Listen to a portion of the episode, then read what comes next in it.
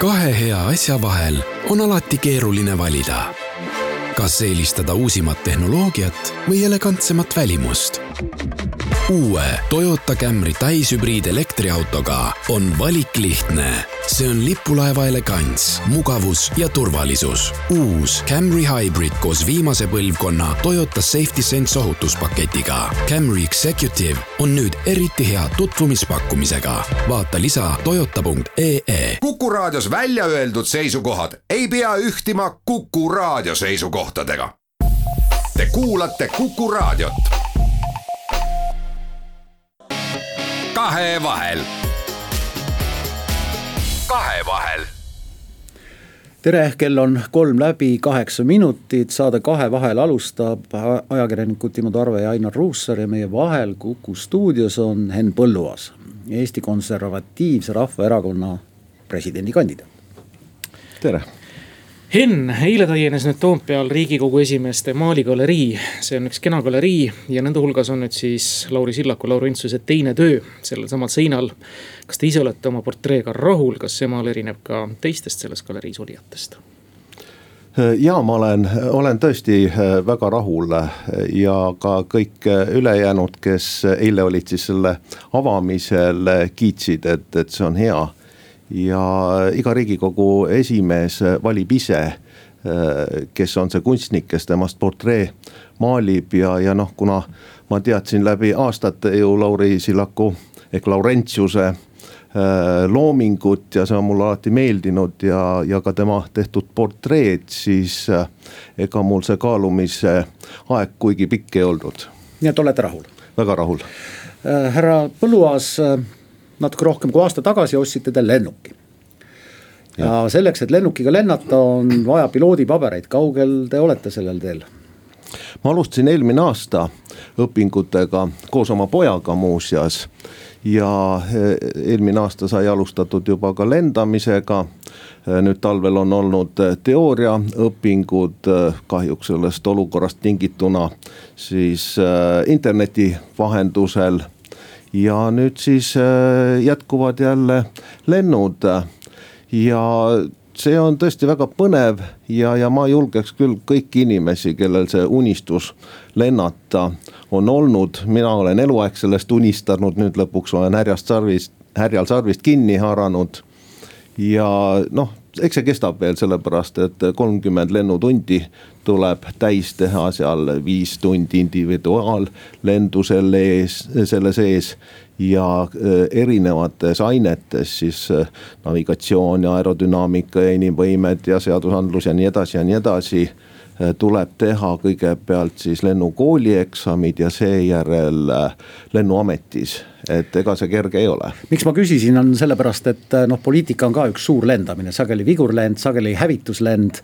ehk siis kui te piloodipaberid kätte saate, siis saate selle poliitilise lendamise kõrval natuke, natuke lihtsamalt lennata aga lend on teil sel nädalal sellegipoolest olnud. Nüüd juba kujundlikult võttes eh, riigikogus ja avalikkuse ees päris kõva. eelmisel nädalavahetusel kinnitati teid EKRE presidendikandidaadiks, sel nädalal olete tähelepanu saanud lisaks portree avamisele ka kõige sellega, mis on toimunud riigikogu suures saalis, millele on ka väga elavalt kaasa elatud ja, ja noh, millest on ka nüüd juba muistendeid valmimas. no mis asi see nüüd riigikogus on sel nädalal täpsemalt toimunud teie fraktsiooni tingimustes, kus kõik on jälle taas meelde tuletanud Orwelli klassikasse kuuluva loomingu ja raamatu, mida te saite ka suures saalis ette lugeda. kas see oli nüüd äh, kohane seaduseelnõu arutelu?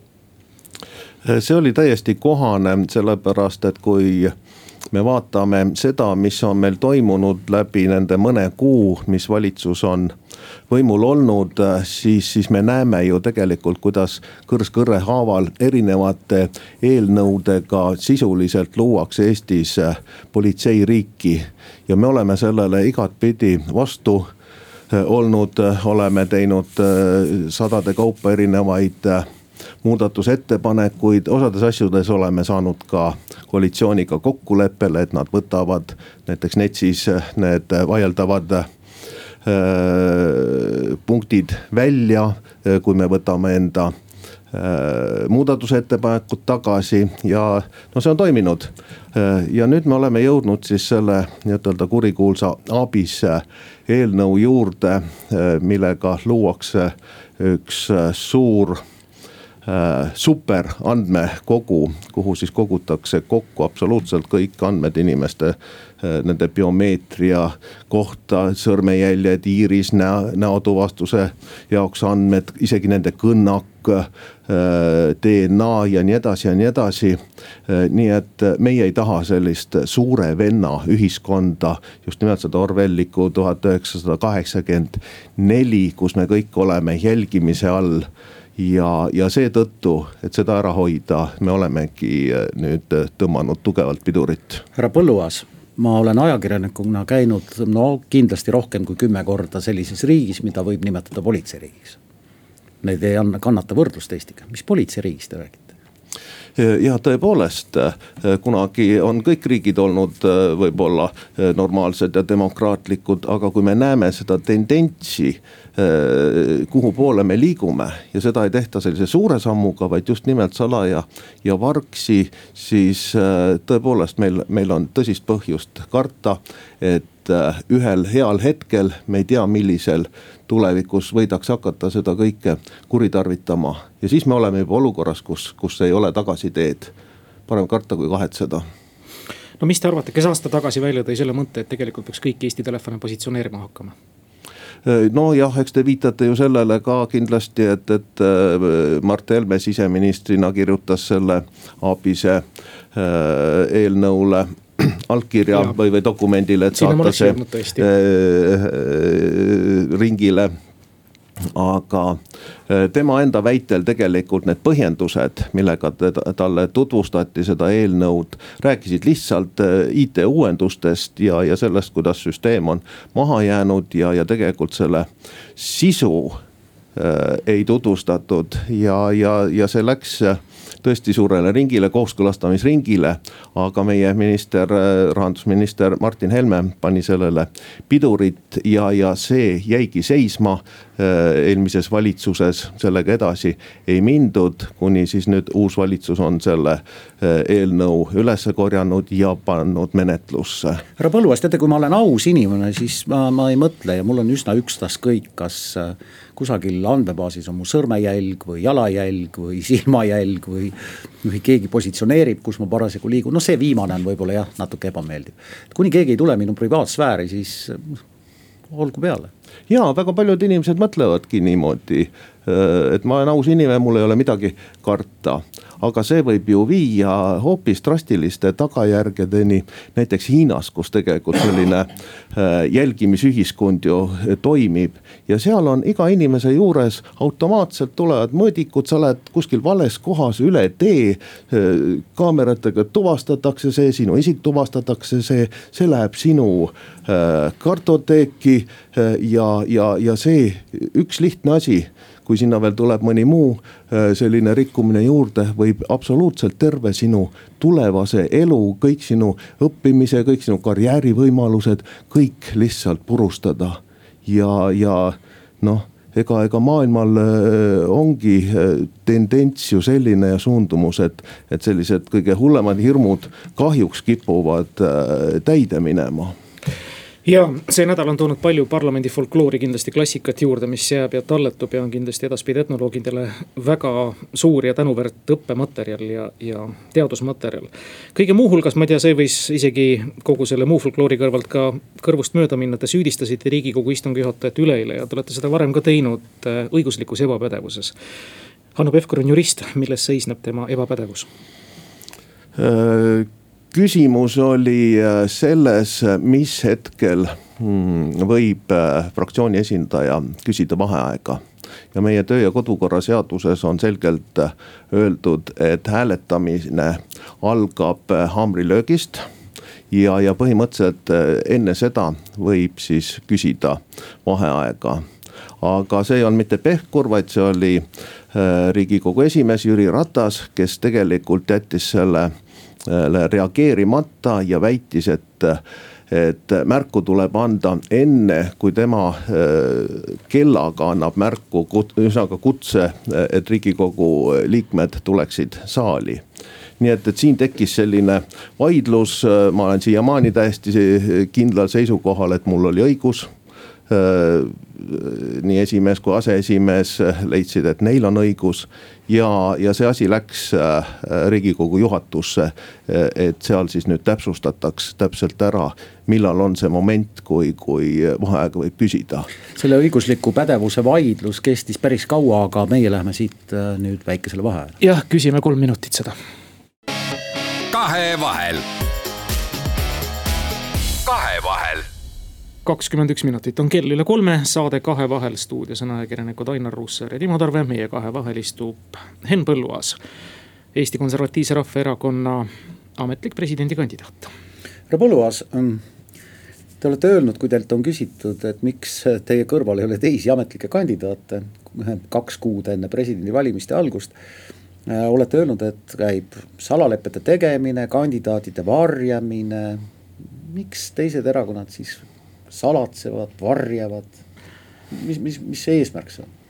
see on väga hea küsimus, äh, millele minul ju tegelikult vastust ei ole. see on tõepoolest lausa kummastav, et, et presidendivalimistele on jäänud ainult kaks kuud ja, ja mitte keegi ei ole julgenud oma kandidaadiga välja tulla no üks asi on tõepoolest see, et, et käivad mingisugune häälte lugemine ja salakokkulepete tegemine.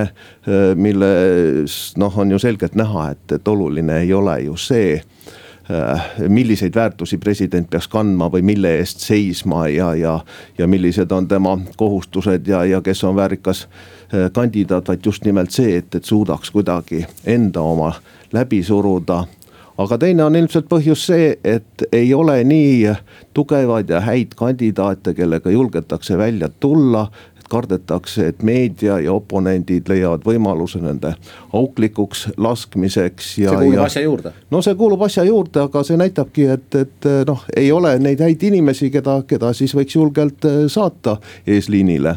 meie tegutseme ausalt ja, ja avatult ja, ja minul ei ole isiklikult mitte midagi karta ma väga loodan, et saaks äh, kellegiga diskuteerida nendes erinevates küsimustes, mis, mis presidendi tööd puudutavad ja üleüldse meie, meie riiki. küsin veel, kuidas ja eelkõige, miks me oleme sellisesse olukorda jõudnud, mida te praegu kirjeldate? no ma arvan, et, et suurelt osalt on selles süüdi meie valimissüsteem, mis tingibki selle kui me oleks äh, näiteks taastanud äh, vabariigi Äh, algusaastatel nüüd äh, presidendi otsevalimise korra, mis meil ju enne sõda oli kuni kolmekümne neljanda aastani, siis sellist olukorda ju absoluutselt ei, ei oleks. Äh, presidenti saaks esitada kandidaati ka rahvas ja, ja me näeme ju, et tegelikult äh, umbes pooltes Euroopa riikides valibki presidenti rahvas ja kõik need argumendid, mis selle vastu tuuakse. et see kuidagi suurendab presidendi võimu ja mandaati ja riik muutub äh, autokraatseks ja, ja rahvas ei ole valmis ega, ega, ega oska ega tea äh, presidenti valida, noh see ei vasta absoluutselt tõele. Soomes ka muuseas ju kunagi varem olid umbes sarnased valimissüsteemid nagu meil täna ja, ja kui ma ei eksi, see oli vist kaheksakümnendatel millalgi, kui mindi presidendi otsevalimisele üle. ja, ja need argumendid olid täpselt samasugused, nagu täna me kuuleme siin, aga kas kellelgi on midagi, ühtegi paha sõna öelda Soome demokraatia kohta? ei ole kes on need MRP osalised ausalt ja avatult, kes neid salaleppeid siis teevad? Kui päris MRP-d sõlmiti, siis tuli aega teada saada viiskümmend aastat, meil nii kiire meil on kiire jah, eks see, eks see tuleb nüüd kähku välja, aga no siin ei ole midagi äh, äh, saladust taga, et, et eks eeskätt on see ikkagi Reformierakond ja äh, Keskerakond.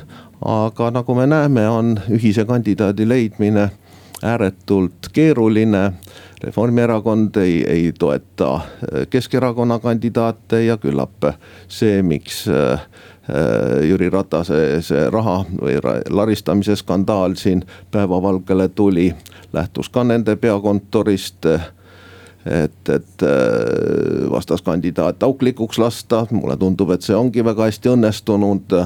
ja, ja noh Äh, eks siis äh, teised väiksemad äh, erakonnad, nende juures käiakse ka siis ka meie juures on käidud kompimas, et, et kuidas oleks võimalik kedagi läbi suruda viis aastat tagasi, nagu te nimetasite, valiti president tagatoas põhimõtteliselt kuus miinus üks ehk siis viie liikme osavõtul, mistõttu tal justkui nagu mandaati pole, nagu te olete öelnud. Teie taha tuleb vähemalt üheksateist rahvasaadiku häält, kas teie mandaat saab olema selle võrra siis neli korda tugevam? Äh, ei, ega küsimus ei ole selles, küsimus on selles esitamise õiguses, eks see üheksateist ja, ja, ja nii mõnigi riigikogu liige teistest erakondadest on ka mulle äh, toetust avaldanud, aga äh, eks see matemaatika on selline, nagu ta on tõepoolest. valijameeste kogus kindlasti ei ole kahtlustki selle kahekümne ühe toetusallkirja saamisega ja president valitakse ikkagi ju hääletamise tulemusel, mitte toetusallkirjade tulemusel. ega selle tulemusel, kuidas keegi mingisugust tohutut valimiskampaaniat läbi teeb teeb telereklaame või loosungeid või enda suuri plakateid paneb kuskile ülesse. see on juba jälle rahva hämamine või toetuste küsimine, nende pingeridade tegemine, justkui rahvas saaks otsustada, otsustab valimiskogu või siis riigikogu. siin läheme nüüd väikesele pausile, kuulame ära uudised ja siis jätkame. kahevahel. kahevahel saade Kahevahel reedel, üheteistkümnendal juunil on jätkumas. stuudios on ajakirjanikud Ainar Ruussaar ja Timo Torve, meie vahel istub hea Henn Põlluaas, EKRE presidendikandidaat. härra Põlluaas, teie eelnevast jutust ma sain aru, et erakonnad tegelikult nagu ei tahagi otsevalimisi. ja eelkõige ei taha nad otsevalimisi sellepärast, et nad tahaksid ikkagi näha presidendina nii-öelda oma inimest. president ja. ei saa ju olla ühe partei inimene, kui ta presidendiks valib. ta võib see kandidaadina küll olla ju ja tõepoolest äh, hetkel on äh, riigikogus ainult kaks äh, erakonda, mm, kes toetavad seda. üks on Eesti Konservatiivne Rahvaerakond ja teine on Keskerakond ja me oleme ka varem eelmises koosseisus koos esitanud eelnõu teha president rahva poolt valitavaks. see lükati tagasi, selles koosseisus me tegime samamoodi, aga valitsuse vahetusega ilmselt siis äh, Reformierakonna poolne pressing oli nii suur, et nad võtsid oma allkirjad tagasi. ja meie ei ole sellest äh, ideest loobunud, meil on see äh, eelnõu olemas ja, ja me ikka jätkame oma eelnõule allkirjade kogumist, aga, aga meie seisukohalt noh ükskõik, kes selle siis nagu esitab, et, et peaasi, et see, see läbi läheks. ja siis on tõepoolest, siis on rahvas presidendi poolt valitud, siis ei loe need sellised poliitilised tõmbetuuled, ka need kes siis on kuskilt mingist teisest erakonnast või, või teiste vaadete eh, esindajad, peavad lihtsalt eh, leppima, sest see on rahva valik ja, ja see on demokraatlik ja, ja rahvas ei eksi. Henn Põlluaas, te olete küll öelnud, laske mind siis auklikuks, teie ei karda seda avalikkuse turmtuld ja kõike seda, mis teie kohta välja tuuakse, ju siis ei ole midagi tuua, see on selge, teil on ka paras elupagas taga, te olete KGB miilitsatelt peksa saanud kunagi nooruses ja nii edasi. aga teie perekond, kui järjekordselt nüüd hakkavad ilmuma igasugused lood ja pildid näiteks teie tütrest tema hobiga tegelemas? Noh, see, see on tõepoolest äh, nii, et minul ei ole karta midagi, aga, aga kui perekonna kallale tullakse, siis, siis noh, see on ääretult madal ja ääretult alatu. Ma, ma loodan, et, et siiski meie ajakirjandus on, on ikkagi natukenegi arenenud ja noh, kui ma riigikogu esimeheks sain, eks siis ju püüti ka kõikvõimalikke asju välja tuua aga noh, ma ei leia, et ma peaks enda tütre pärast millegipärast äh, häbenema. kui, kui ta oma tantsustiilis on tulnud äh, Soome meistriks, äh, Inglismaa meistriks, osalenud ka Euroopa meistrivõistlustel, tulnud seal esimese kümne sekka, siis ma leian, et, et Eesti rahvas võiks olla hoopistükkis uhke, et, et meil on nii, nii äh, tugevaid tantsijaid mainisite Soomet, lähemegi napsangi sellest Soomest kinni, et äh, Eesti ja Soome suhted ei ole just äh, hetkel, mis puudutab inimeste liikumist, ei ole just hetkel kõige paremad. ja, ja täna avaldas Soome ajakirjandus ja kohe järgi ka Eesti ajakirjandus peaminister Kaja Kallase kirja oma Soome ametikaaslasele, milles palus selgitust, et äh, miks Soome piirab seda töörännet ja kiusab eestlasi. EKRE-le on see olukord ju tegelikult sobiv sest teie üks põhimõtteid on see, et eestlased töötagu Eestis. Ei, kindlasti see olukord, mis täna on, et meie inimesed on suletud äh, Soome või, või, äh, või siis need, kes on tulnud äh, tagasi, kes seal töötavad, ei pääse sinna, see ei ole mingil juhul meie, meile hea ega, ega ammugi nendele inimestele et loomulikult äh, tuleb teha kõik, et inimesed saaksid ikka vabalt töötada Soomes, kui, kui see on olnud vajalik ja, ja oma perekonnaga kohtuda ja käia. ja, ja selles suhtes tõepoolest ka meie ei pea seda olukorda normaalseks, et noh, ühtepidi võib Soomest ju muidugi aru saada, iga riik peabki seisma enda huvide eest ja selle eest, et pandeemia ei leviks aga, aga alati peab kuskil olema mingisugune selline mõistlikkuse piir ja, ja täna on jah, Soome käitunud täiesti selgelt siiski liialt jäigalt aga teil on võimalus seda olukorda natukenegi leevendada või pehmendada, see on puhas Soome sisepoliitiline mõõde, nagu see on välja tulnud, seal on kohalikud valimised tulemas ja Sanna Marin on üsna tugeva opositsiooni surve all. ja kes aplodeerib sellele otsusele, on praegu põlissoomlased, teil oleks võimalus ju vestelda oma hea sõsar või vähemasti kaasmõtlejate parteidega, öeldagi vabandust, aga need on ju meie hõimuvõlled, kes siin on kinni. no see on nüüd küll väga, väga äh, huvitav loogika äh, süüdistada selles nüüd äh, ühte opositsioonierakonda valitsuse tegevust tegevuses, äh, aga. valitsus no, ei julge tänu persudele. Äh, no valitsusel endal ei ole soovi, küll, küllap valitsus julgeks, kui ta, kui ta tahaks äh, seda olukorda leevendada. aga noh, kuna nüüd õnneks on läinud siiski nakatumine alla nii Eestis kui ka igal pool mujal, siis ma loodan, et see lahendus leitakse aga selle koroonaga seoses me oleme näinud ju üle terve Euroopa kuidas Euroopa Liit tegelikult kärises, kui, kui see äh, asi vallandus, kuidas igalt pool pandi piirid kinni ja, ja, ja ükski kokkulepe ega eelmised suured loosungid äh, sihukesest ühtsusest äh, ei maksnud mitte midagi ja, ja ega ka Eesti on jätnud ju väga palju tegemata. mis oleks ju tegelikult võib-olla kergendanud seda Soome vahel käimist. me oleme ju enda piirid hoidnud kogu aeg lahti ka siis, kui Lätis on näiteks äh, nakatumus äh, palju suurem kui meil. Äh, siis lätlased on saanud siin küll käia, aga eestlased Lätis mitte. ja, aga noh, see selleks, aga põhiline, ma ei ole kunagi aru saanud sellest, mis on valitsusel kiirtestide vastu et kõik, kes siia tulevad, et nendel lennujaamades, sadamates, igal pool tehtaks kiirtestid ära ja, ja noh, me ei saa küll sajaprotsendilist äh, kindlust, aga, aga siiski me saaksime ikkagi väga hea äh, kaitsevalli ette. aga, aga seda ei tehta ja, ja tänu sellele on ju meil kõik need uued mutatsioonid ja tüved siia sisse tulnud, küll India ja Vietnami ja, ja mis iganes ja seda oleks saanud ju ära hoida see, et pandeemia on lõhkunud Euroopa Liidu ühtsust ja on tekitanud Euroopa Liidu sees väga palju segadust, väga palju mm, eriarvamusi, isegi riikide vahel väga palju tõrksust, noh näiteks praegune Eesti-Soome näide ja nii edasi. see on nüüd küll EKRE huvides. EKRE huvides on see, et Euroopa Liit laguneks, servapidi, otsapidi. vot see on nüüd üks, üks täiesti selline selge järjekordne väärinfo EKRE kohta. justkui me tahaks, et ta laguneks, et me oleksime Euroopa Liidu vastu a priori tegelikult see ei ole sugugi nii, me oleme euroskeptilised Äh, Euroopa Liidu äh, aluspõhimõtted ju tagada kaupade ja inimeste ja äh, vaba liikumine ja, ja see on ju suurepärane selle vastu ei ole kellelgi midagi, aga me oleme selle vastu, kuhu Euroopa Liitu viiakse väga jõuliselt.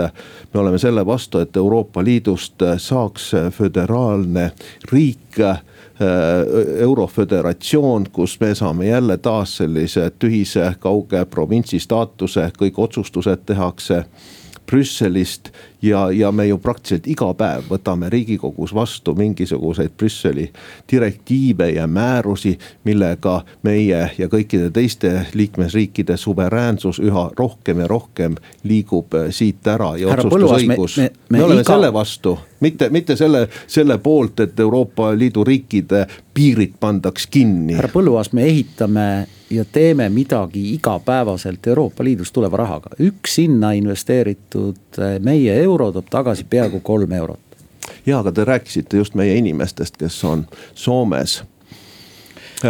Need rahad, mida meie oleme Euroopa Liidus saanud, need on tõesti meid aidanud väga palju edasi, see on suurepärane. aga teisest küljest need sada kakskümmend tuhat või, või kui palju inimesi meil on nüüd siis ka välismaale rännanud. me oleme nad ju üles kasvatanud, me oleme neile hariduse andnud. ja, ja kõik need kulutused, mida me oleme enda inimestele Äh, teinud, äh, need on ju läinud, äh, nende teadmised, oskused, nende töö on läinud just nimelt Euroopa Liidu, peamiselt nende suurte riikide hüvanguks. nii et tegelikult oleme me neile andnud rohkem, kui, kui me oleme vastu saanud. et, et noh, selle sellises noh, ühe euro või kolme euro küsimuse üle noh, ei olegi ju erilist mõtet minu meelest vaielda EKRE-l on väga tugev Soome osakond erakonnana, mida on teinud Soome osakond oma kaasmaalaste heaks, ütleme viimatise kriisi aegu, kui palju ta on saanud neile vastu tulla nende hädade leevendamisel? no eks nad on ikkagi äh, proovinud äh, ühendust võtta äh, Soome ameti ametnikega ja valitsusega, kellest sõltub see, kas on ja kuidas on võimalik leevendada ikkagi ja lihtsustada seda üle piiri liikumist. ja, ja nad on võtnud ka tihti meiega ühendust, et kas meie kuidagi saame siin kaasa aidata ja, ja käsikäes me olemegi teinud tööd selle nimel. Läheme väikesele reklaamipausile ja viimase veerandi pühendame kohalike omavalitsuste valimistele. Kahevahel kahevahel.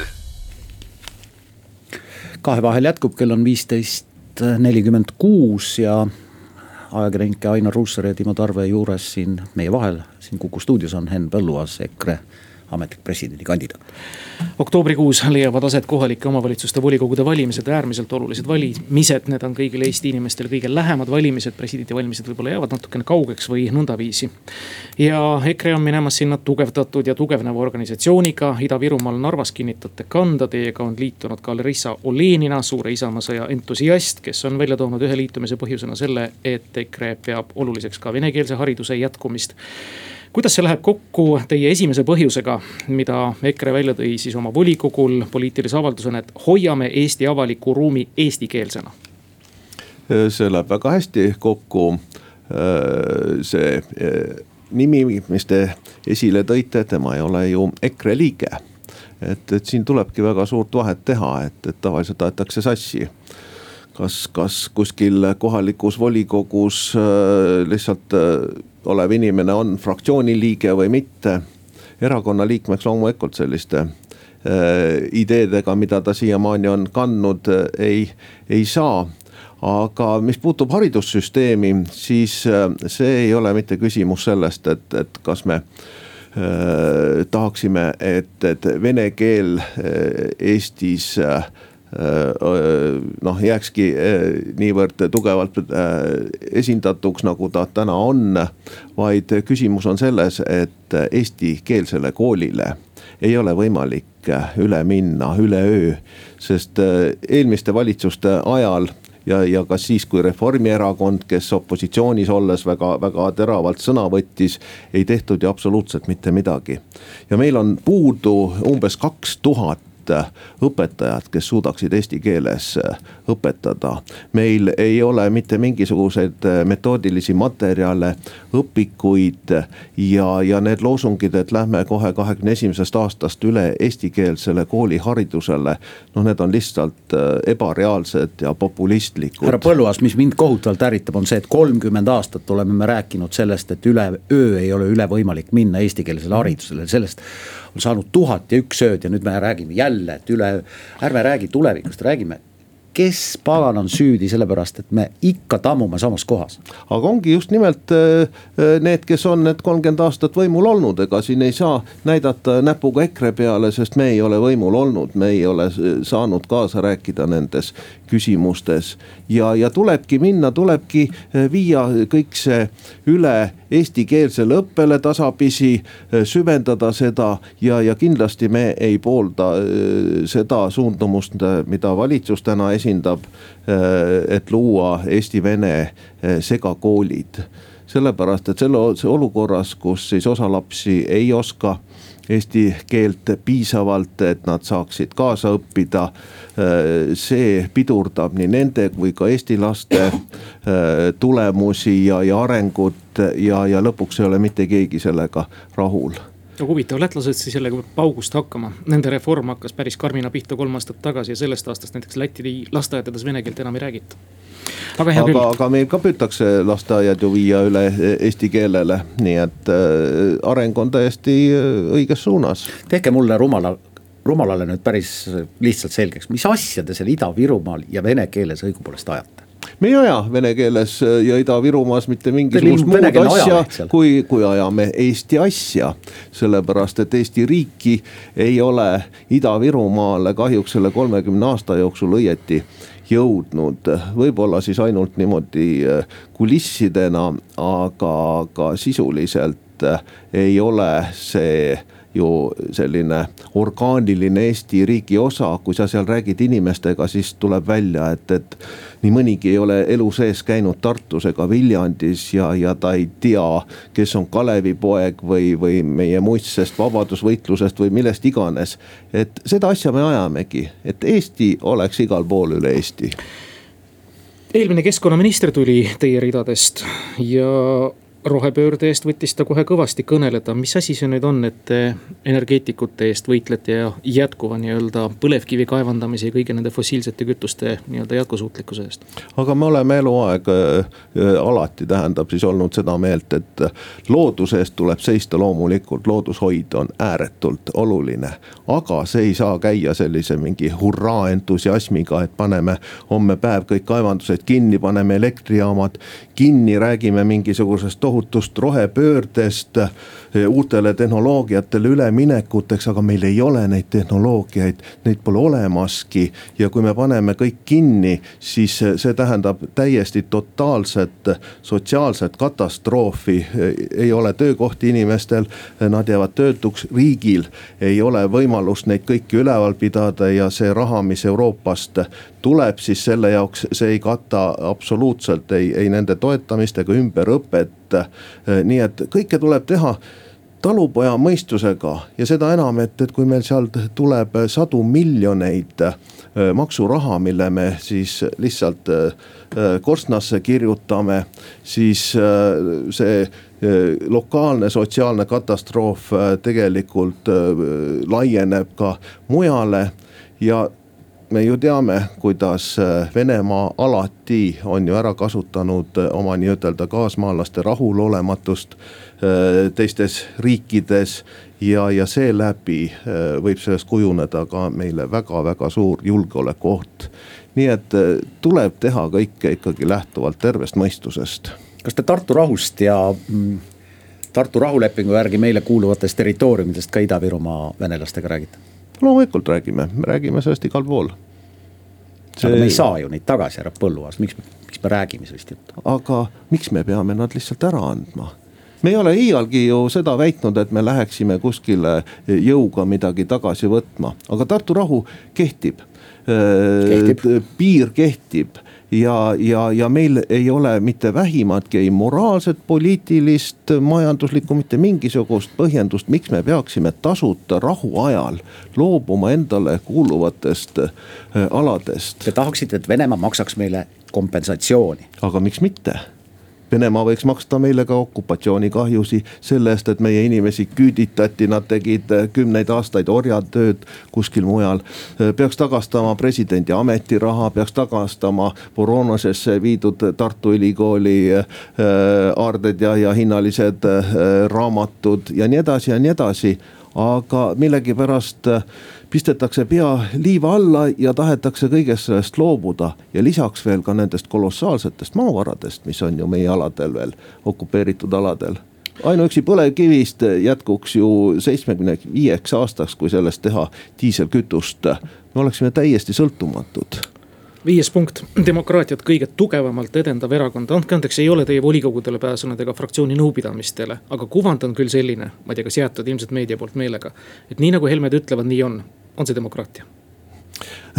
demokraatia on see, kui äh, ikkagi otsustatakse ühiselt ja, ja nii äh, meil käibki äh, erakonnas see mulje, mida meedias püütakse jätta, see on hoopis teine maailm. aga on teil eriarvamusi, kuulate ilusti ära, argumenteerite, debateerite? loomulikult ja mõnikord lähevad need vaidlused ka väga tuliseks, aga, aga me leiame ühise meele. sest vaadake, konservatiivne rahvaerakond era, erineb väga suuresti kõikidest teistest erine-, erakondadest, sest me oleme aatepõhine meie, meile tulnud inimesed esindavad tugevalt just nimelt neid rahvuslik-konservatiivseid aateid ja, ja selles me oleme täiesti ühtsed aga mis siis isand-särjega Tartus juhtus?